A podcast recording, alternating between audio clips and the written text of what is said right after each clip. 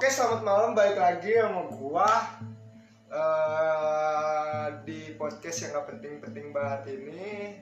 Kali ini gue balik dengan tema baru, yaitu komposisi ganda. Konspirasi, oposisi dan propaganda bersama teman gue Rian Mariando ya. Jadi kali ini kita mau ngomongin apa nih Doi? Sesuai judul aja ya, Iya. komposisi ganda. Jadi kita mau ngomongin konspirasi, oposisi dan propaganda yang sedang terjadi di Indonesia ini betul. Nah, Ah, yang lagi viral-viralnya nih konspirasi tentang COVID-19. Oke, ini ini emang soalnya konspirasi ini itu menyebabkan banyak kekacauan ya menurut Hmm. gua. Satu kekacauan masa, dua kekacauan ekonomi, benar dan banget. tiga ke- kekacauan negara dan ini udah menyangkut negara kalau Parah gua. sih kalau menurut gua. Di berbagai negara tuh udah banyak banget yang uh, demo menyuara- menyuarakan lockdown itu sebenarnya tuh nggak bagus. Lockdown itu kayak sebenarnya bikin kita apa ya?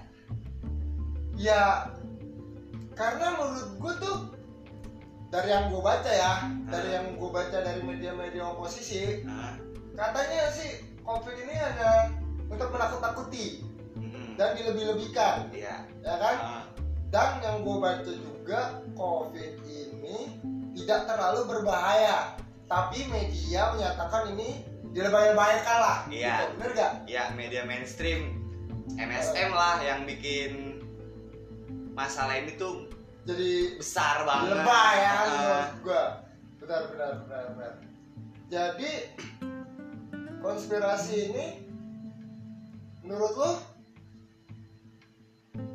Kalau menurut gue sih ya ini tuh udah mainan elit global banget sih. Lo kebanyakan nonton Jerry apa ini benar-benar apa namanya dari sudut pola pikir lu sendiri nih sebagai seorang manusia. Kagak man karena gue tuh udah ngikutin konspirasi tuh udah lama banget. Nah, jadi lu anak konspirasi banget nih? Ya, oke oke oke. Lanjut, lanjut. bukan anak konspirasi banget. Masa gue lahir gara-gara konspirasi? Kan kita kan lahir karena orang tua yang sedang bersenang-senang betul? Iya bener sih. Bukan yang sedang berkonspirasi-rasi. Iya. Nah, kalau untuk konspirasi ini banyak juga nih eh, pihak-pihak oposisi yang menentang keras akan COVID ini ya kan. Menurut gue juga ini sesuatu yang nggak seharusnya dilebay-lebaykan.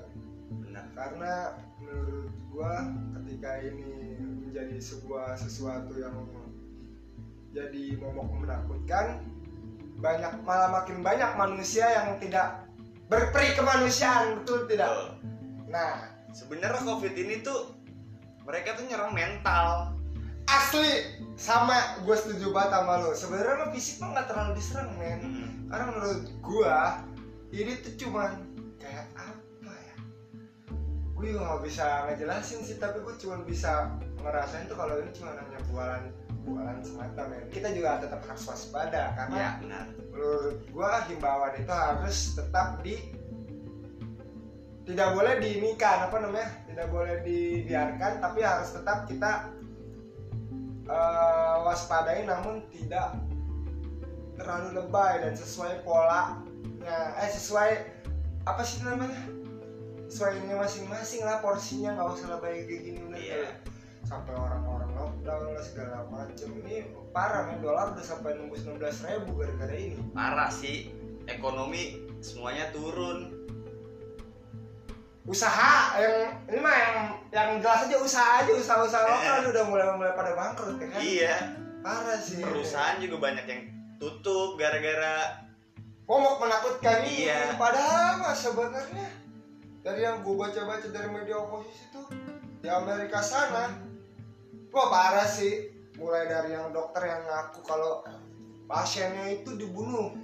Pasien ternyata dibunuh men di Amerika. Karena ketika ada pasien yang terkena di list terkena tanda kutip corona mereka akan mendapatkan uang lebih oh jadi kayak misalnya nih lu gue bayar tapi lu gua eh, ini lu gimana ya bilangnya?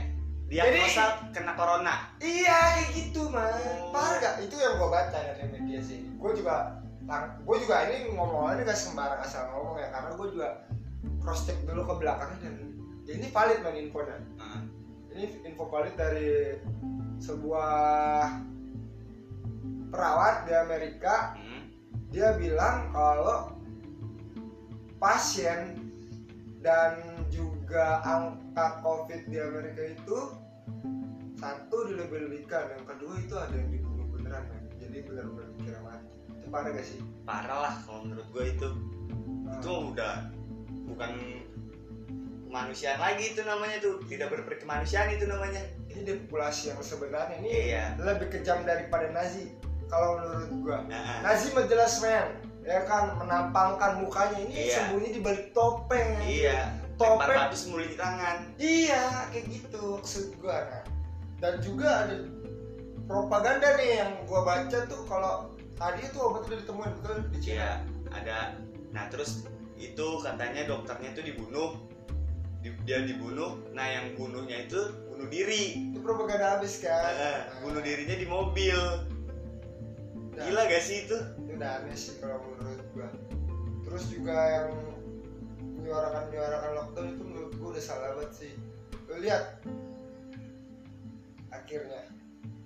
Sama- mental kita yang diserang benar kata lo sih. Iya ini jadi parah daripada AIDS man iya mental kita diserang otomatis imun tubuh kita kurang dong menurun. Nah, nah dari situ virus masuk imun imun tubuh kita turun eh, virus masuk men.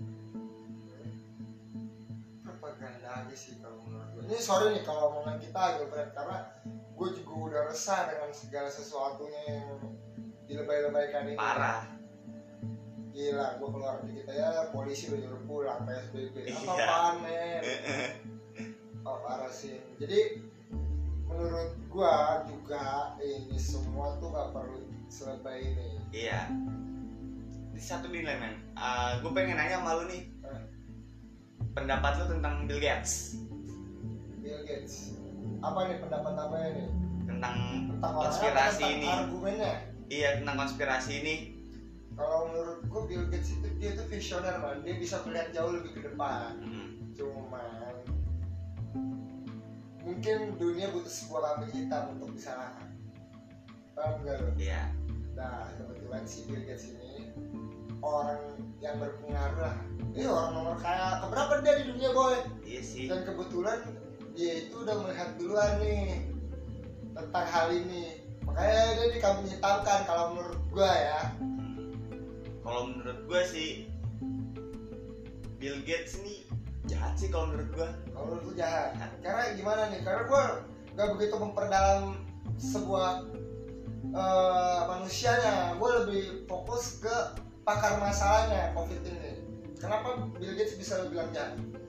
jahat sih gimana ya nggak jahat sih kalau kalau dibilang jahat nggak jahat cuma eh, dia tuh udah tahu dia udah bikin simulasi Serius? dia bikin simulasi tahun 2015 dia udah bikin simulasi tentang lockdown Oh tentang lockdown ini? Iya tentang covid dan lockdown ini corona.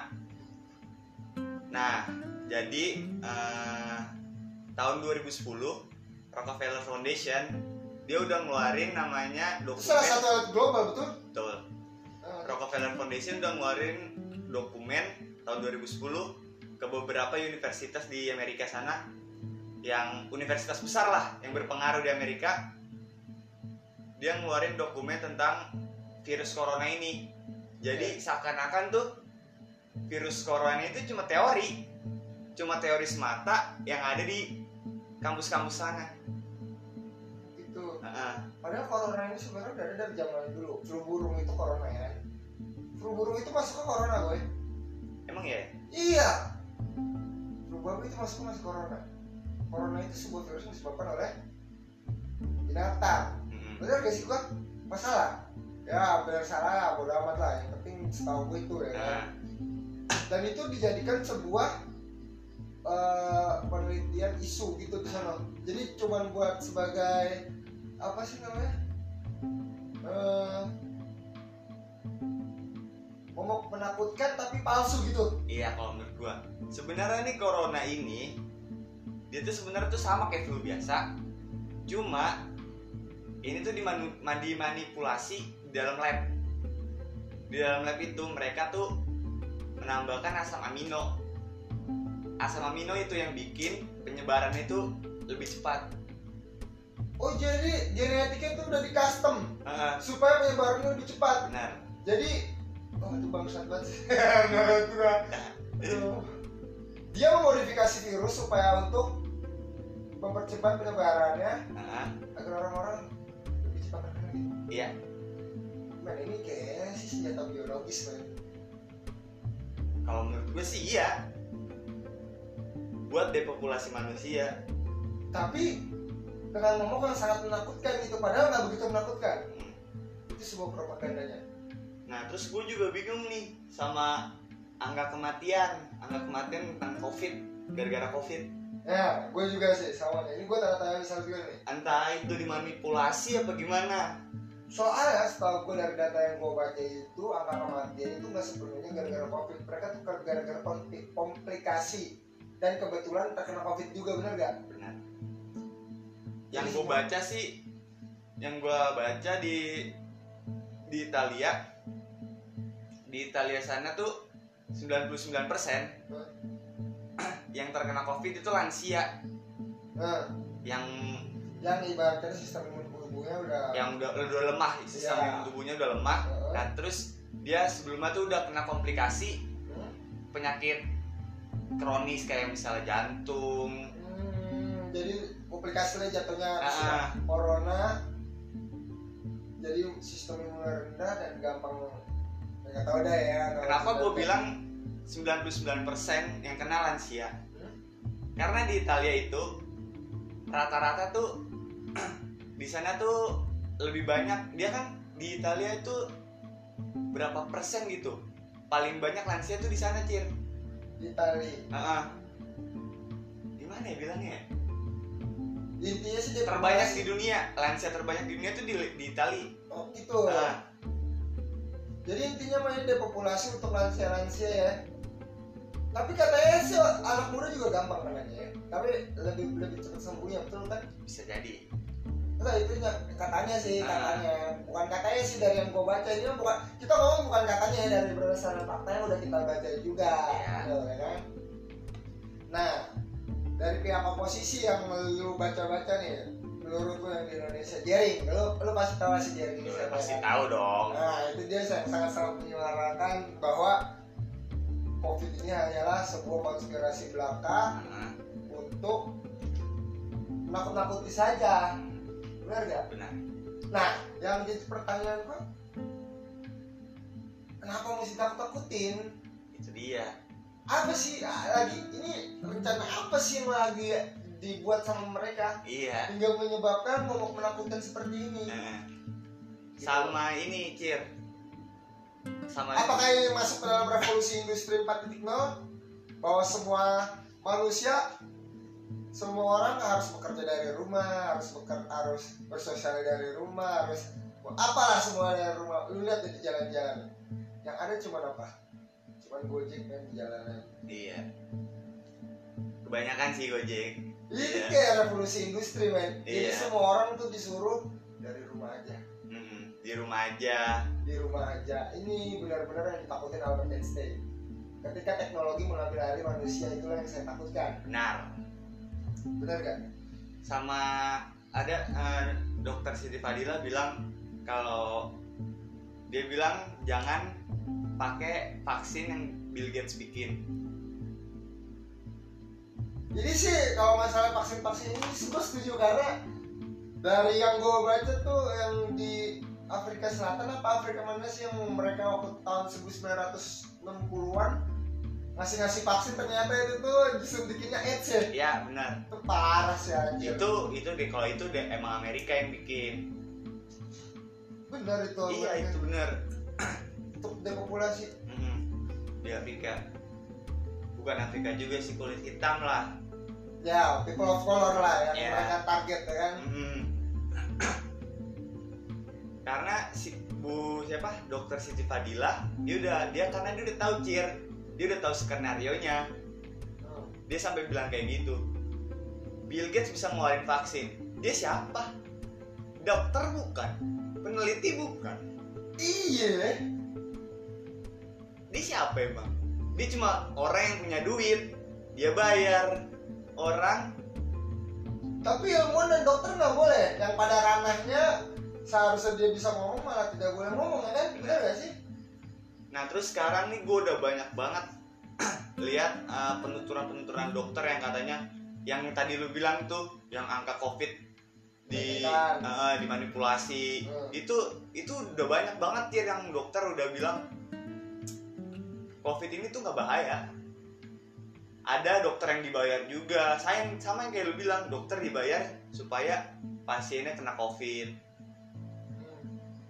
apa ini sebuah ketidaktahuan manusia yang menyebabkan ketakutan apa emang sen- disengaja ya? Gue juga ini tanda tanya sendiri sih dalam diri gue menurut gue sih gitu. Apa ini sebuah ketidaktahuan manusia terus kita jadi takut Hmm. ya kan? Dan apa emang benar-benar dimanipulasi gitu loh? Itu sebuah ketidaktahuan besar untuk gue sendiri. Kalau menurut gua sih emang Soalnya bikin pusing dimanipulasi keluarga gue mainnya dipusingin lah. Iya. keluar dikit salah ya. Kan Eh. begini dikit salah. Iya serba salah jadinya kita. Kalau menurut gue sih ini emang udah dimanipulasi covid ini.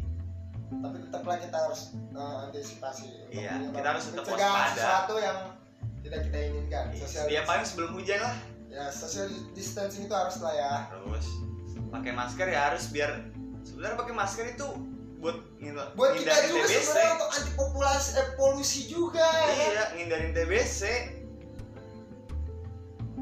ya se- sebenarnya ini udah konspirasi banget sih parah. Kayak misalnya dokter Sebi. Dokter Sebi itu ya dia dokter yang udah nyembuhin pasien pasien kanker pokoknya penyakit penyakit kronis parah. Eh, itu udah dia dengan dokumen-dokumennya itu di pengadilan 77 saksi dokter. Hah? saksinya dokter sendiri. Menyatakan bahwa dia tuh emang benar-benar ben iya. bisa lah pada Nah. lah dia bisa untuk menyembuhkan ini ya. Eh, menyembuhkan penyakit penyakit penyakit Penyakit kronis. Kenapa nggak dokter Sebi yang bikin vaksin? Kenapa Bill Gates? Kenapa harus Bill Gates yang ngasih vaksin sih emang udah gue jadi mikir ke situ ya.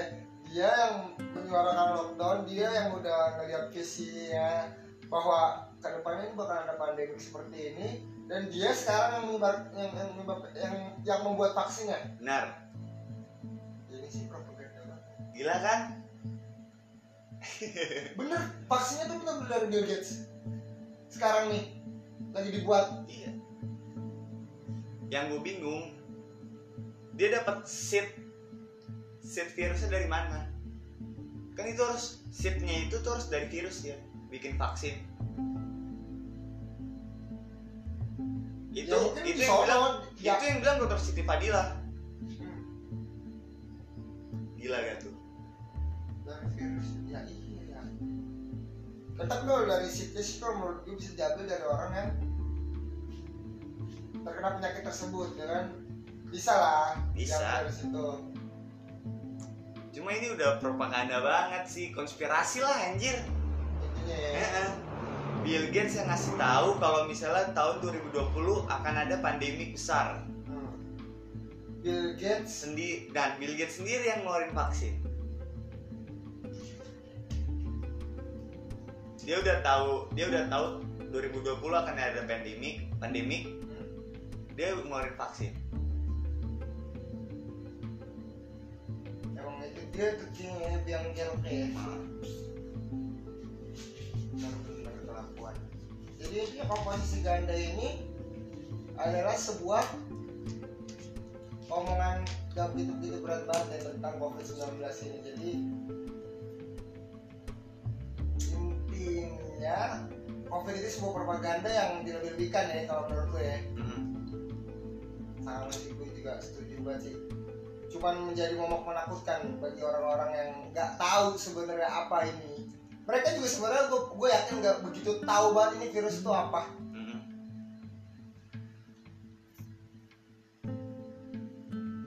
dan menurut oposisi sih yang menyatakan sejarah sih gua gua gua suka banget sih sama pola pikir Jerry. Iya. Bahwa COVID kritis itu cuma- abis.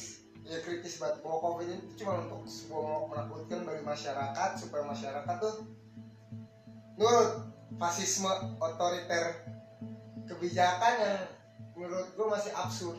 Ini tuh udah agenda men. Agendanya siapa? Dari siapa? Dari global yes. Mereka mau ngapain sini sebenarnya? Gue aja masih bingung. Depopulasi.